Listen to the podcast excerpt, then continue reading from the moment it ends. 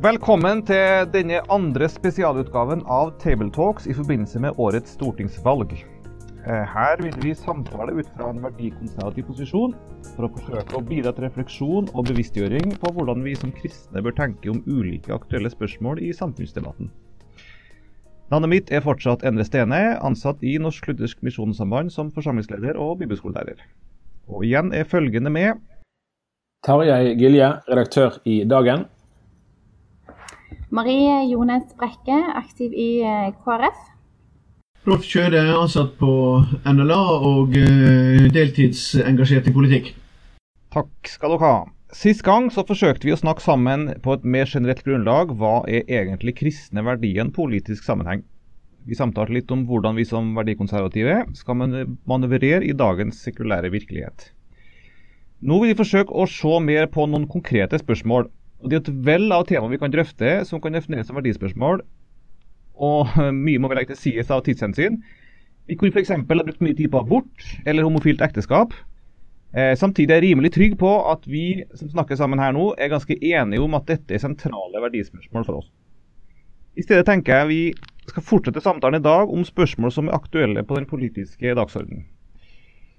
Um, og så tror jeg vi er enige om at det, hva som et verdispørsmål, det henter vi fra den etiske refleksjon vi møter i Bibelen, og det som kristen tenkning og teologi har utleda fra denne opp gjennom historien. Med det som bakgrunn syns jeg naturlig å nå begynne med et spørsmål som på verdensbasis får mest oppmerksomhet, nemlig miljø. Og Så vil jeg nå stille spørsmålet til eh, oss alle. Eh, er miljø et verdispørsmål? Ja, altså jeg vil svare at uh, det er helt klart det som går på forvaltning av skaperverket, må jo være et verdispørsmål. Og når vi da i tillegg vet at uh, hele klima- og miljøspørsmålet også henger veldig nøye sammen med den uh, skjevfordelinga vi har i verden, og har en veldig sammenheng med, med djup fattigdom rundt omkring i verden, og at spørsmålet her egentlig ikke kan løses uten at vi prøver å løse det sammen, så vil jeg si at det er et ganske det er et stort politisk verdispørsmål at vi inntar en offensiv holdning i dette spørsmålet. Det betyr ikke at alle enkeltløsningsspørsmåla eller måtene å løse det på, skal oppheves til på en måte å være skal skal opphøyes på en, noen spesiell måte. Kan, vi må vel kunne diskutere på hva måte vi skal komme til rette med det. Men vi kan ikke hoppe over spørsmålet. Da har vi hoppet over et av de virkelig store store spørsmålene i vår egen tid. Hva sier dere andre? Jeg er grunnleggende enig med, med Rolf. Eh, og jeg tror at, eh, at, vi i vår leir da, bør erkjenne at her er det nok mange som jeg tror har tenkt eh, grunnleggende galt. Altså at dette er noe vi ikke har tid til fordi vi skal forkynne evangeliet. Eh, jeg tror eh, virkeligheten er omvendt. At vi, eh, vi står i veien for evangeliets budskap hvis vi tillater oss å være likegyldige til, til forvaltnings- og forvalteransvaret, da, som, som, allerede omtalt i Bibelens første kapittel. Mm. Eh, Maries respons? Ja, jeg, eh, jeg, tenker nok at jeg eh, stiller meg bak en del av det som er blitt sagt. Eh, men, men hele grunntanken går jo ut ifra forvalteransvaret. Det at vi har et skaperverk som, som, Gud har gitt oss, og som vi skal forvalte på en god måte. Og der tenker jeg at vi kan være uenige i, i de konkrete virkemidlene og hvordan vi best ivaretar miljø på, på, forskjellige områder, men at vi iallfall har det som innstilling, det tror jeg er avgjørende viktig. Men eh, OK, hva med jorda? Jorda skal jo uansett forgå, leser vi jo i Bibelen. eh, eh, og vi leser jo også i åpenbaringsboka sånn tydelige profetier om at jo nærmere Jesu gjenkomst, jo, jo mer kommer jordkloden til liksom, å skalte og valte. Jo eh, større skaperverket jo, jo, jo, større ødeleggelse for skaperverket, jo mindre mat. Så dette er jo liksom forutsagt. Så dette kommer til å skje uansett, vil mange da tenke. Skal vi, hvordan skal vi tenke om det? Kan ikke vi da egentlig eh, legge til grunn eh, Paulus sine ord om at den som ikke vil eh, arbeide, skal heller ikke spise? Eh, altså at det at, at, det går galt med denne verden eh, kan ikke være noe argument for likegyldighet. Da, da er det jo mange andre områder der vi òg kunne legge til grunn likegyldighet, fordi at uansett så går det galt til slutt. Eh, og I siste instans eh, tenker jeg at måten vi viser at vi er interessert i å være gode forvaltere over Guds mangfoldige nåde, sier òg noe om vårt forhold til den nåden. Og F.eks. sier det veldig mye om, eh, om vårt forhold til, til, våre medmennesker. Du kan ta det enda litt lenger. for så vidt. Det var, det var en interessant debatt mellom Kjell Ingolf Ropstad og Listhaug i Salem her på tirsdag. Og Da påpekte Ropstad det at likegyldighet i møte med klimaødeleggelsene kan jo føre til at den flyktningstrømmen vi har sett hittil, bare er småtterier mot det som kan komme i neste runde. Ja, og Det er jo, det er jo uh, riktig, og vi vet ikke så mye om det i Norge, men jeg regner jo kanskje med at i alle fall 30 millioner mennesker i dag er direkte relatert flykt, altså klimaflyktninger. da. Det varierer litt etter tallet, men at 30 millioner er ikke et helt gale anslag av hvor mye klimaflyktninger vi har på jorda i dag. Uh, og Det er ikke det vi hører om uh, i, Syria og andre plasser, men det kan godt hende at noen av de som kommer fra Afrika også er er prega av noe av, eh, av noe av, den realiteten. Men i, rundt omkring i mange land i verden så er det mange som må bryte opp pga. klimaspørsmål. Eh, men jeg tenker det grunnleggende i dette spørsmålet, når du først drar inn eh, liksom bibelsk tenking på det, så, så, er det aldri slik i Bibelen at det som skjer at det som skjer med Jesus, da, at det opphever plutselig Guds vilje slik den er uttrykt i skapelsesfortellinga eller fortellingene. Og det, det, som står i første Mosebok kapittel 1 og 2, er jo veldig, veldig tydelig, et veldig tydelig budskap om det oppdraget vi har fått til å representere Gud på jorda. Eh, I forvaltninga av jorda. Vi er på en måte Guds visekonger. Eh, og det skal vi stilles til ansvar for. Og det er det er ikke sånn at vi frelses ifra skaperverket, men det er jo slik også ifølge Kolosserbrevet at denne forsoninga som Jesus kommer med, som jo vi kjenner primært, og det er jo det, det som vi primært holder tak i, det er at det, det fører til en soning for våre synder som gjør at vi blir tilgitt til syndere.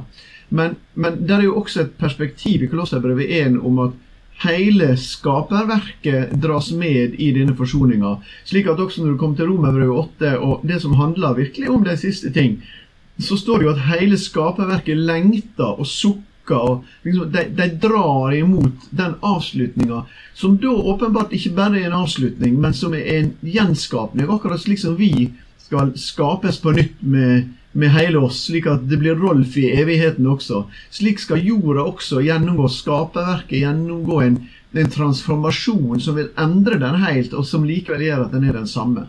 Eh, og det er, Dette er jo ut fra Guds store syn på skaperverket. Han som, lot, han som sjøl ble menneske. Altså Hva betyr inkarnasjon da for vår forståelse av skaperverket? Gud identifiserer seg med skaperverket. Uh, og da skulle vi også ta det på ramme alvor. At vi skal forvalte dette som Guds uh, eiendom. altså. Men det du nå presenterer, det, har, det forbinder jo mange med mer sånn liberal teologisk posisjon.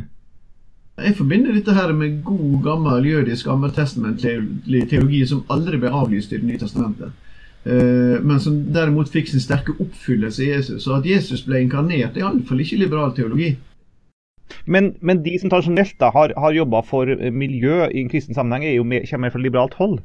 Ja, for en del så har det vært sånn. Mange av oss har jo vært engasjert i dette som ikke har vært særlig liberale. Og skapelsesteologien kommer fokus hvor frelsesteologi og, og, og evighet blir nedtona? Ja, jeg ser ikke den logiske sammenhengen mellom at vi kan løfte fram en bibelsk skapelsesteologi, og at det, nødvendigvis nødvendig skulle gjøre frelsesteologien svakere. Tvert imot så gjør det etter mitt skjønn frelsesteologien større, fordi den sier noe om at den forsoning Jesus kom med, eh, den, den, skal gjelde alt. Eh, han, som, han, som, skal nyskape alt. Um, det er nettopp vært ut en, en, nylig en um, sak som ble lagt ut på NRK her, med oversikt over uh, hvor det er mest klimaskeptikere enn hvilke partier. Og Marie, i ditt parti så var det få klimaskeptikere. Eh, 2 sto det visstnok klimaskeptikere i KrF. Ja. Betyr det at man, at man er ganske enig i, i KrF om at uh, klimaet, det er klimaskapte ødeleggelser? Eh, om de er menneskeskapte, er vel kanskje spørsmålet. Eh, og, og, jeg tror nok at eh, det er ulike innfallsvinkler når det gjelder i hvor stor grad vi som mennesker har påvirkning på temperatur, f.eks. Det at det er svingninger i, eh, i temperaturen, og har vært store svingninger i historien. Vi har hatt istid. Eh, så, så, det er jo på en måte et, en, en, bit av det. Men det at folk eh, tenker at, at noe bidrar med som mennesker med den aktiviteten vi har her på jorden, det tror jeg det er eh, ganske stor enighet om. Og så tror jeg at det er stor enighet i KrF om at en må ta, innta et litt sånn føre-var-prinsipp. At det, så lenge vi gjør vår del, så har vi iallfall gjort det vi kan.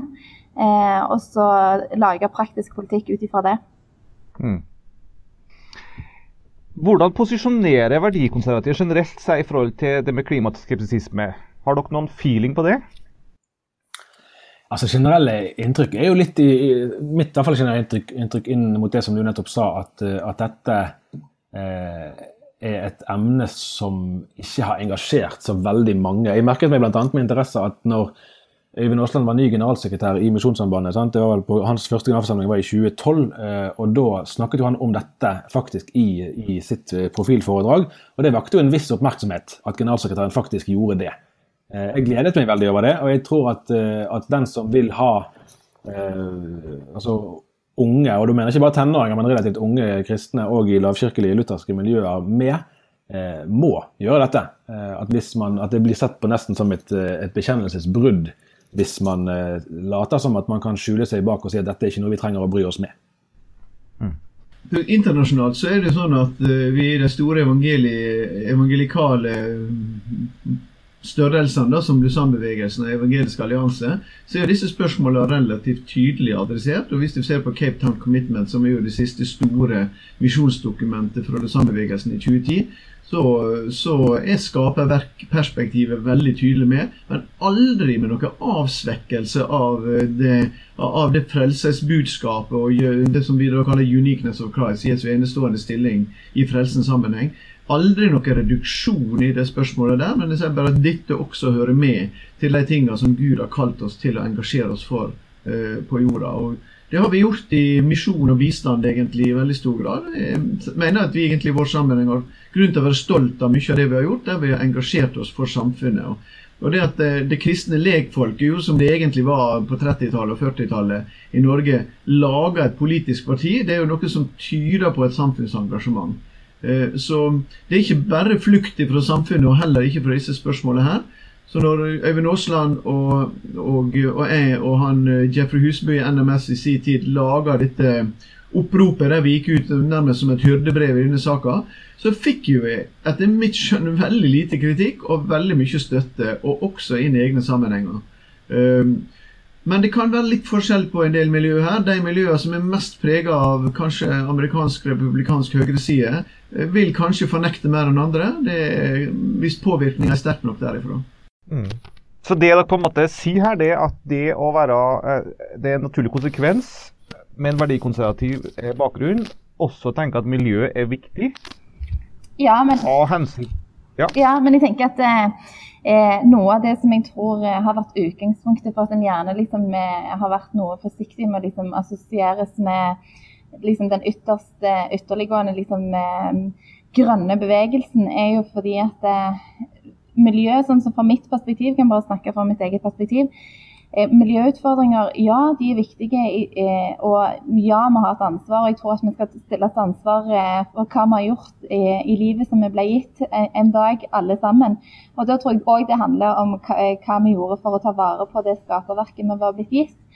Samtidig som at en del av de endringene vi kan se og observere, er det enormt stor usikkerhet knytta til. Men det det ikke er stor usikkerhet knytta til, det er at mennesker trenger evangeliet. Og det er òg at mennesker eh, i dag lider av sult, nød og elendighet, som er ganske åpenbart foran øynene våre. Sånn at jeg tror nok at eh, en del av de kristne som jeg eh, identifiserer meg med, og som jeg eh, kjenner sjøl, mitt utgangspunkt er at eh, det som er helt åpenbart for oss, er nok det som også har tatt mest fokus. Som menneskers frelse og, og fattigdom og sult og nød. Så det som skaper usikkerhet i forhold til verdikonservativt kristnes engasjement i forhold til miljø, er egentlig dette spørsmålet hvorvidt er dette menneskeskapt? Hvorvidt kan vi visste av hvor mye som er menneskeskapt? Er det sånn å forstå du, du sier? Ja, jeg tror at det, det, på en måte er et spørsmål som eh, Det er jo et spørsmål som forskere òg er, er, er, på en måte uenige om. Hvor, I hvor stor grad er det menneskeskapt, og hvor stor grad er det naturlige svingninger? Og hvis en premiss, legger premiss til grunn at vår aktivitet som mennesker eh, spiller inn, eh, ja, hvor, hvor, mye spiller inn, og hvilke tiltak er mest effektive osv. Ta dette med elbil f.eks. Der er det jo stor uenighet på hvor miljøvennlig det egentlig er. Det er jo en del usikkerhetsmomenter hvilke tiltak som er effektive, hvordan vi best mulig forvalter eh, våre ressurser her på jorden, og, og, hvordan vi gjør det best mulig rent sånn eh, mest effektivt. Men det vi vet, det er jo at det forbruket som vi har lagt oss til i vår del av verden, selv om vi da i industrien vår, også i oljeindustrien, har skaffa oss eh, hjelpemiddel til å, til å, begrense forurensningene, så er det likevel slik at det, den livsstilen som vi har lagt oss til i hele den vestlige verden, det vil ikke være bærekraft for rundt omkring på jorda. Og det er en rettmessig et rettmessig ønske fra India og Kina og afrikanske land om å kunne få heve sin levestandard og eh, utligne forskjellene på jorda. Og Det legger et veldig ansvar på oss i den vestlige verden. Det legger det største ansvaret på oss i den vestlige verden, fordi at vi vet at det er et stort øh, forhold mellom Eh, mellom vårt forbruk, måten som vi bygger opp vårt samfunn på, og det som skjer med klimaet. Det er ikke et 100 forhold, fordi at det som vi sier, der er, der er naturlige variasjoner som kan være. Men FNs klimapanel, og det finnes noen sånn konspirasjonsteori om at de er ute i andre ærend, men det er ingen grunn til å tenke at mange tusen forskere av de fremste forskerne i verden, når de ser sammen på dette og kommer til samla konklusjoner, det er ikke noen grunn til å komme med konspirasjonsteorier som noen har gjort men å si at ja, men da er det nok slik. Eh, de har ikke noen egen agenda bak at det skulle komme til disse resultatene. Og Der er det, det er ganske entydig at det i stor grad er menneskeskapt, det som skjer i dag. Og Det er jeg enig i, men jeg vil bare komme med en liten innskytelse. og det er det at Jeg savner òg at vi som kristne, i, i den grad eh, vi ønsker å ta et seriøst ansvar for dette, begynner med oss sjøl. Jeg synes at det mange ganger òg oppleves blant kristne at ja, vi, særlig blant den opp oppvoksende generasjonen at det, dette er et av våre viktige oppdrag. Men òg som, som, gjerne ikke er klar over at det er på, på, på, våre vegne at vi er nødt for å ta et ansvar. Jeg tror eh, eh altså Her er to, eh, to eh, farer helt forskjellige retninger. Det ene er jo at vi når vi snakker nå ut fra kristen eh, tenkning, hva vi kan eh, tenke å handle ut fra, ut fra, det, at vi skal være forsiktige med å detaljere for mye. og Det er vel noe av det som Den norske kirke til dels har fått berettiget kritikk for, at man går for konkret inn i enkelte saker. som politikere må man jo være konkret, naturligvis, men som, når vi snakker mer partipolitisk uavhengig fra et kristen grunnlag, at da, da er det på en måte å legge til grunn de generelle verdiene som vi først og fremst kan konsentrere oss om, det som vi faktisk kan si at Bibelen lærer oss noe om. Og så, og så må måtte, akkurat hvilke tiltak som skal tas inn eh, hvor og når, og sånn, det må bli litt mer et, et et politisk spørsmål. Men jeg tror vi, vi ganske reelt eh, står i fare for å undervurdere at at vi er vant med å tenke det som intensjon. Ja vel, vi ønsker å være, å være evangelister i vid forstand alle som en. Og, og, vi skal forkynne evangeliet, og det er vårt, vårt kall. Og så kan vi glemme litt at det samlede inntrykket som vi gir med våre liv og våre, det vi sier og det vi gjør og det vi ikke gjør, det vitner jo i mange tilfeller, kanskje i de fleste tilfeller, vel så sterkt som akkurat liksom traktatene vi deler ut osv. Og, eh, og hvis da budskapet om oss er at de visste at den livsstilen de hadde, ikke var bærekraftig, men de gadd ikke å gjøre noe med det fordi det var så ubehagelig for dem, så er det et veldig dårlig kristen vitnesbyrd. Da er det ganske lett for vår samtid å si at den troen disse menneskene har, den kan de få ha i fred. Jeg er altså enig med Tarjei i den refleksjonen der. Men i tillegg til liksom det individuelle ansvaret, da, så må vi løfte dette, så er dette et systemspørsmål. Det er et politisk spørsmål. Eh, det er ikke bare noe som vi kan løse med eh, på kjøkkenet. altså. Eh, det er et mye større spørsmål enn det, og derfor må, må politikerne må enda tyngre inn i dette. Og det er også et tverrnasjonalt spørsmål. altså Det er ikke bare vår egen nasjon, det er et internasjonalt spørsmål som vi må løse sammen med andre. Og Derfor er det jo også så tragisk at eh, verdens ledende nasjon ikke er med under sin nåværende president på de egentlig ganske skjøre kompromisser som inngås, og som er nesten en sånn minste sak av det vi må gjøre nå for å unngå den største katastrofen eh, med at vi kan komme til å måtte sprenge eh, togradersgrensen to på, på temperaturøkning. Så vi, vi, står i en veldig trasig situasjon her, og det er et, for min del må jeg si det miljøet, miljøet som jeg vandrer i, så er det et ganske dårlig vitnesbyrd eh, fra kristen sammenheng at eh, det påstås at så mange evangelikale i USA eh, ikke ser disse tingene her og gir oss den type presidentskap som vi har i dag i USA. Jeg tenker vel at vi er enige om som kristne at vi har ansvaret for uh, vår neste og ta vare på dem som, som uh, er i nød. Uh, og, hvis, og, hvis, man liksom kan være helt entydig enig at vår, vårt liv, hvordan vi håndterer vår rikdom, at det, hvis det er noe medfører mangel på mat andre steder i verden, og at mennesker er på flukt, så er vi vel enige om at dette er vårt ansvar. Så igjen så er det kanskje det springende punktet hvorvidt dette er Eh, vi kan avklart at dette er menneskeskapt. Helt entydig. Og så lenge den tvilen der er der, det er vel kanskje da vi blir litt usikre på trykket da, vi, vi kan legge på dette. Og da ble jeg overraska over når jeg forsto at så mange som kun 2% av KrF sine velgere trodde at dette ikke var menneskeskapt. Jeg hadde kanskje trodd at andre var større. For jeg opplever kanskje blant verdikonservative at det er en del skepsis. Og da spør jeg meg igjen, da, hvorfor er man skeptisk blant verdikonservative kristne? I hvert fall det, Jeg opplever kanskje det. Jeg vet ikke om dette er entydig. Når så mange som du sier, Rolf, eh, av forskere mener at dette er opplagt, er, er, er det en skepsis blant kristne eh, til forskning på en eller annen måte som man ikke har kontroll på? Er det en konspirasjons... Eller hva, hva, er, hva er, dette for noe egentlig? Jeg tror det her er sammensatt, eh, og, og vi må vel òg inn i at, at uh, måte, dette handler òg om, om uh, altså utilsiktede sammenhenger. Gjerne, det, er vel, det er ikke så mange som nødvendigvis vil si rett ut at de ikke stoler på forskning, men kanskje kan det være litt det likevel. At man har f.eks. fra debatten om skapelse og evolusjon, sånn som er vant med at man forholder seg til naturvitenskap med en viss avstand i en del miljøer, og da, når man likevel er litt skeptiske, så kan man legge den skepsisen til grunn òg her.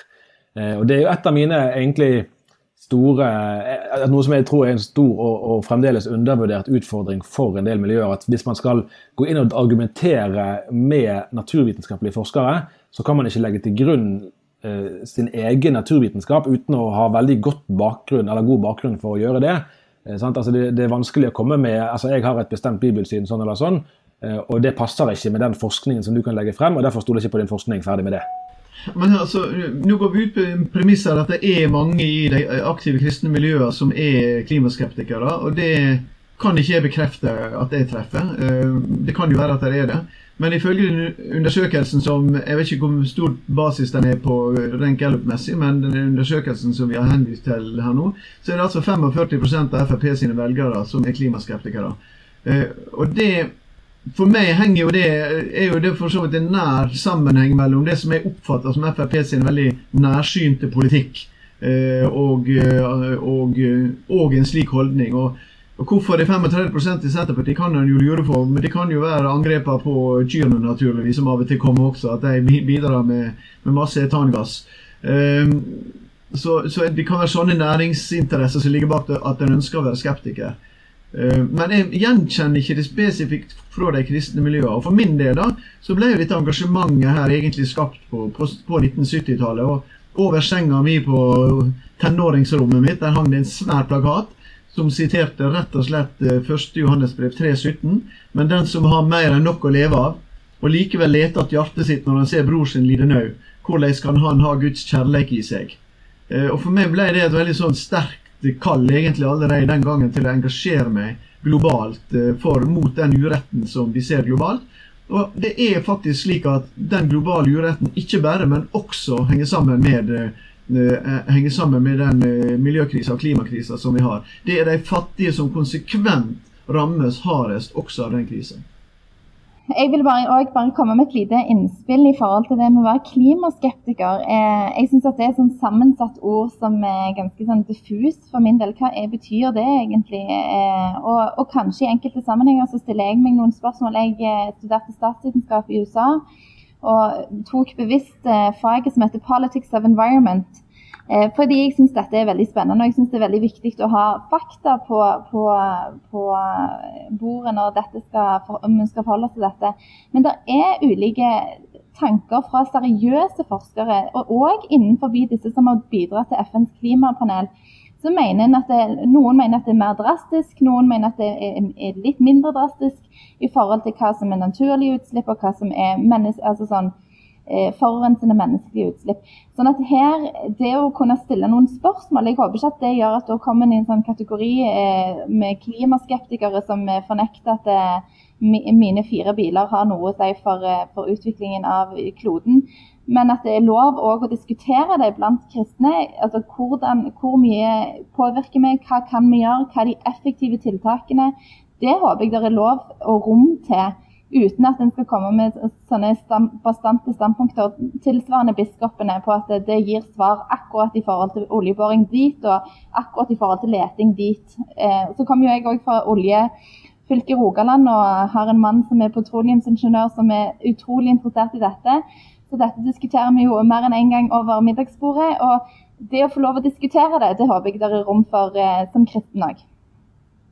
Ja, jeg, altså, jeg lurer nemlig på om at de to prosentene da, i KrF, hvis vi kan legge til grunn at dette er statistisk riktig, eh, at kanskje en del av det bildet forklares i at KrF-erne er hvis jeg kan si det på en fin måte, troskyldige. altså på den måten At man har forholdsvis høy tillit til myndighetene i utgangspunktet. og Det kan jo være veldig bra, det. Ikke alltid, men ofte. Eh, men at eh, det er jo ikke det samme som at man skal liksom automatisk abonnere på alt som til enhver tid kommer i, i, forskning. Altså Forskning er jo per definisjon underveis hele tiden, ellers er det ikke ordentlig forskning.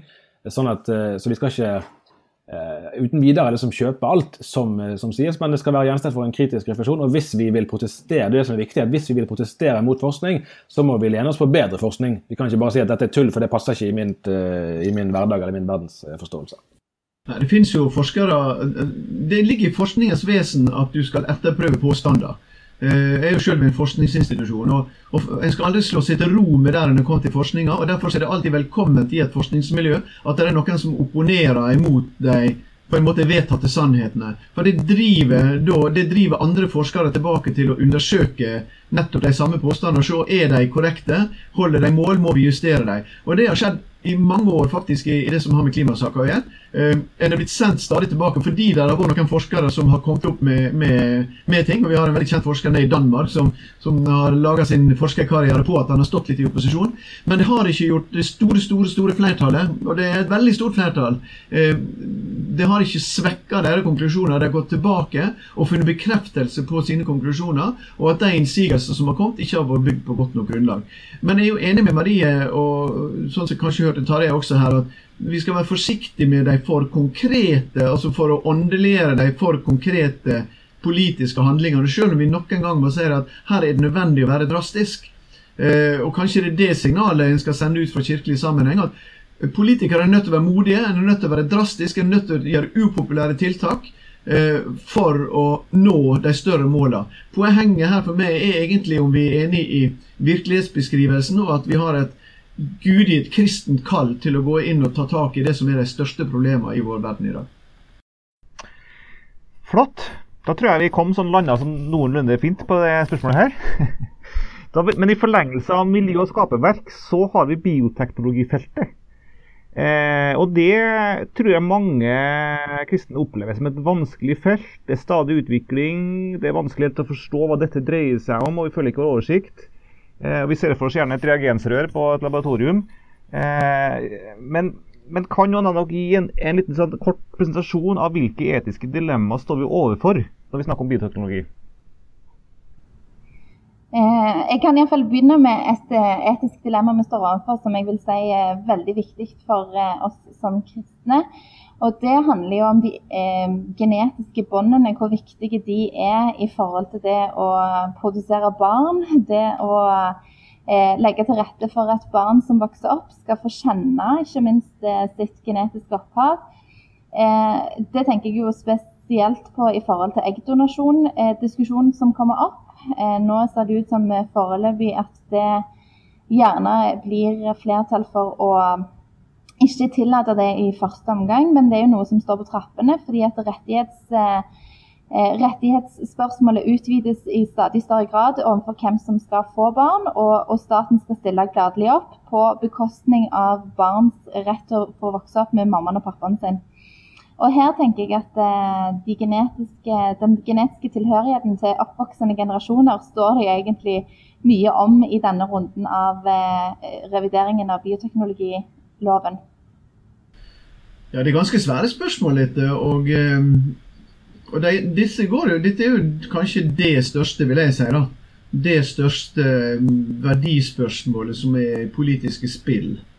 Fordi at uh, avhengig av hvor vi går nå i ulike deler av lovgivning, så vil vi enten styrke eller kunne også stramme inn, svekke da, tendensen til å havne i et sorteringssamfunn. Og det er jo, der er jo en jakt der ute etter perfeksjon. og men det er en sånn dobbelthet i det, fordi vi er ikke imot forskninga. Vi vil gjerne ha forskning som gjør at vi kan kurere Alzheimer, og som gjør at vi kan kurere eh, andre store, vanskelige sykdomsbilder å leve med. Vi vil jo gjerne at, at forskninga skal gå framover. Ingen, ingen, kan sette seg imot det. Og ut av forskninga så kan det komme veldig mye godt, og derfor må den fortsette. Men, men forskninga må ha en etisk styring, og den er det politikerne som må legge. Slik at ikke det blir på en måte de sterke som tar forskninga i si hand for å produsere som en gjør i stor grad i India, der de rike produserer guttebarn for å unngå å få jentebarn. Um, og som vi også ser tendenser til andre plasser i verden. Dette har en klinikker i, mange klinikker i USA som driver med, uh, med kjønnsseleksjon. Uh, og det kan også være seleksjon som gjør at vi på en måte vi skal luke vekk alt som har med sykdom og funksjonshemming og slike ting å gjøre. Som gjør at vi i måten vi gjør det på. Eh, og hvis ikke vi tar kontroll over dette etisk, så havner vi i et samfunn der de svake må bukke under, og de blir uønska. Og Jeg har nettopp lest ferdig Erik Lundes bok 'Uønska', som jo handler om disse spørsmålene her. Og Det er veldig rystende perspektiv, det som han drar fram. Jeg mener at dette er en kjempesvær sak, eh, som eh, altfor mange kristne egentlig ikke gidder å gå inn i, fordi at den er komplisert. Når du går i gen, altså Bare du bruker ordet genteknologi, så har jo sannsynligvis 90% hoppa av allerede. For det, nei, det kan jo ikke være så viktig, det får forskerne holde på med, og det har ikke jeg peiling på. Men vi, det er faktisk snakk, spørsmål er alle like mye verdt. Er alle mennesker like mye verdt, eller er vi ikke det? Nei. Så dette handler Ja, Terje. Nei, altså Det er jo et berømt sitat om at det eneste som trengs for at ondskapen skal blomstre, er at gode mennesker ikke gjør noe. Eh, og, og det nå står vi foran et stortingsvalg. Sant? Vi skal ha en ny fireårsperiode. Eh, og her tenker jeg, og spesifikt anvendt på KrF, at, at kampen om menneskeverdet er jo kanskje det området vi skal peke ut ett, der KrF sin distinkte stemme er aller viktigst og aller mest eh, kjærkommen og òg mest tiltrengt. Fordi at her er ikke snakk om at at det kommer inn eh, altså mennesker som, som, går aktivt inn for en systematisk utrydning av noen eh, befolkningsgrupper eller noen diagnoser osv., men at man tar små skritt, kanskje med gode hensikter, som i neste runde likevel fører til ganske stygge bivirkninger. Og det var sånn som du sa, Rolf, at, at Lunde påpeker det i den boken sin at, at kjønnsselektive både aborter og drap på spedbarn i India jo, Du skulle jo tro at i de mer velstående lagene av samfunnet så var problemet mindre, men det er omvendt. Problemet er større. altså Det er flere eh, jentebarn som blir drept i rike familier enn i fattige. Sånn at, sånn at Sivilisasjon og graden av sivilisasjon øker ikke nødvendigvis proporsjonalt med materiell velstand. i det hele tatt. Menneskesyn er ikke gitt. Det er en størrelse som vi må kjempe for hele tiden. Og nå er det i spill mer enn på veldig lenge, fordi redskapene tilgjengelige begynner å bli ganske mange.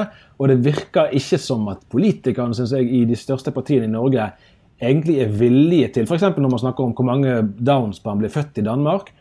Så er det liksom like naivt som for så vidt kanskje det var Werner Solberg å si at norske menn kommer til å ta ut 14 ukers fedrekvote selv om det gikk ned til 10. Alle kunne se at det kommer ikke til å skje, og det skjedde ikke. Eh, det er jo en annen sak, virkelig annen sak, men, men her òg at, eh, at, det blir færre Downs-barn i Norge hvis man går inn for det systemet som man har i Danmark. Og vi må være i stand til å tenke konsekvenser av det vi gjør. Så dette handler om livsvern, vern om liv? Virkelig. Og dermed så er det vel prinsipielt sett like alvorlig som abortspørsmålet? Vi...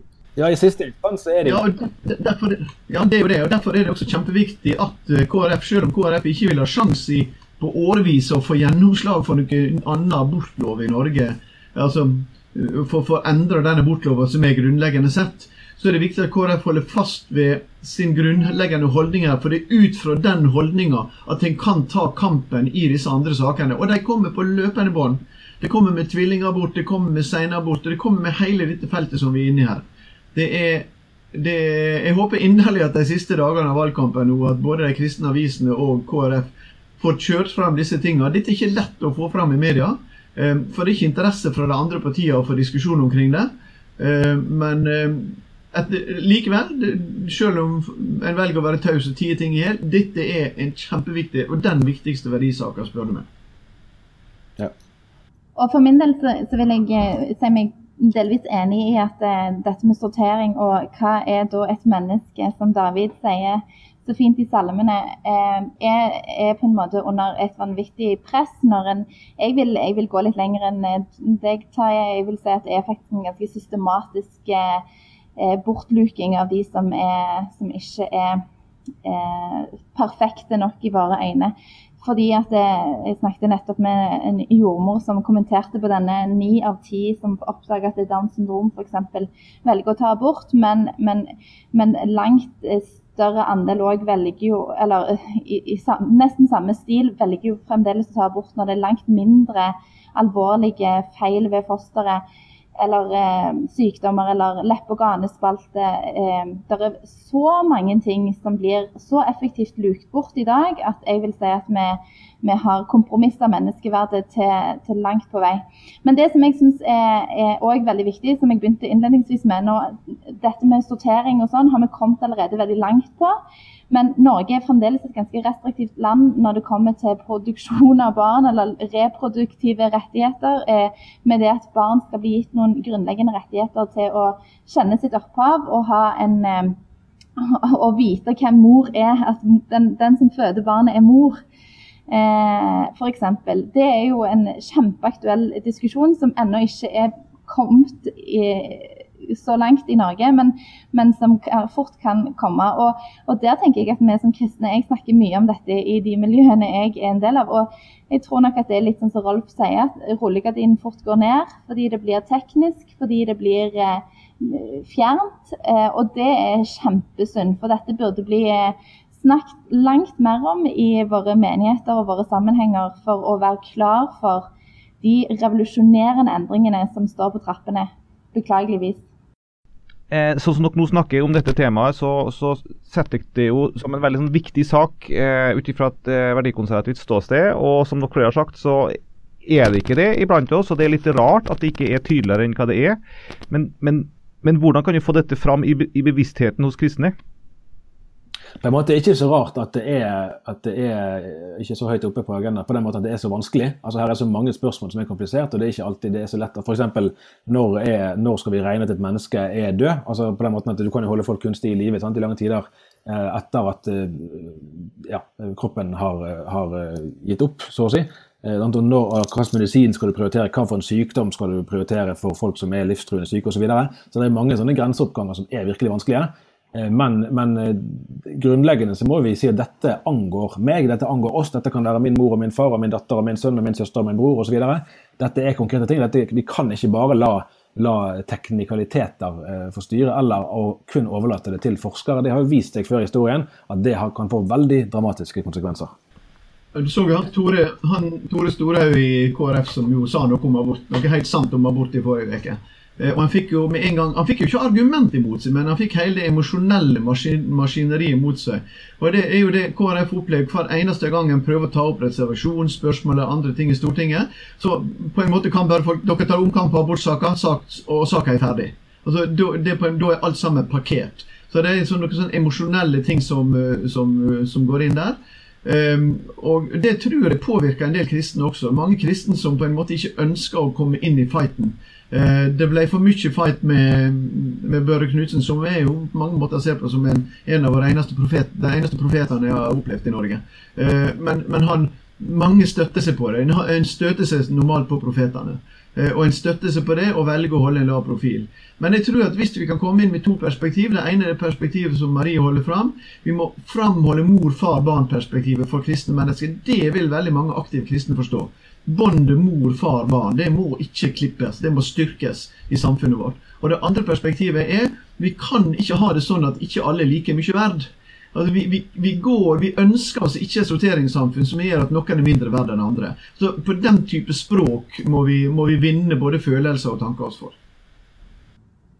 Jeg kan bare ta et eksempel på det som blir kommentert på med den kampen som det er eh, med disse spørsmålene. I, I, sommer så hadde jeg et intervju i Vårt Land der jeg uttalte at eh, vi som kristne må ikke bare kjøpe politisk vedtatte sannheter, eh, som f.eks. at det er likegyldig om eh, et barn vokser opp med mammaen og pappaen sin, eller om det er andre som, eh, det er to fedre eller to mødre som, der den ene f.eks.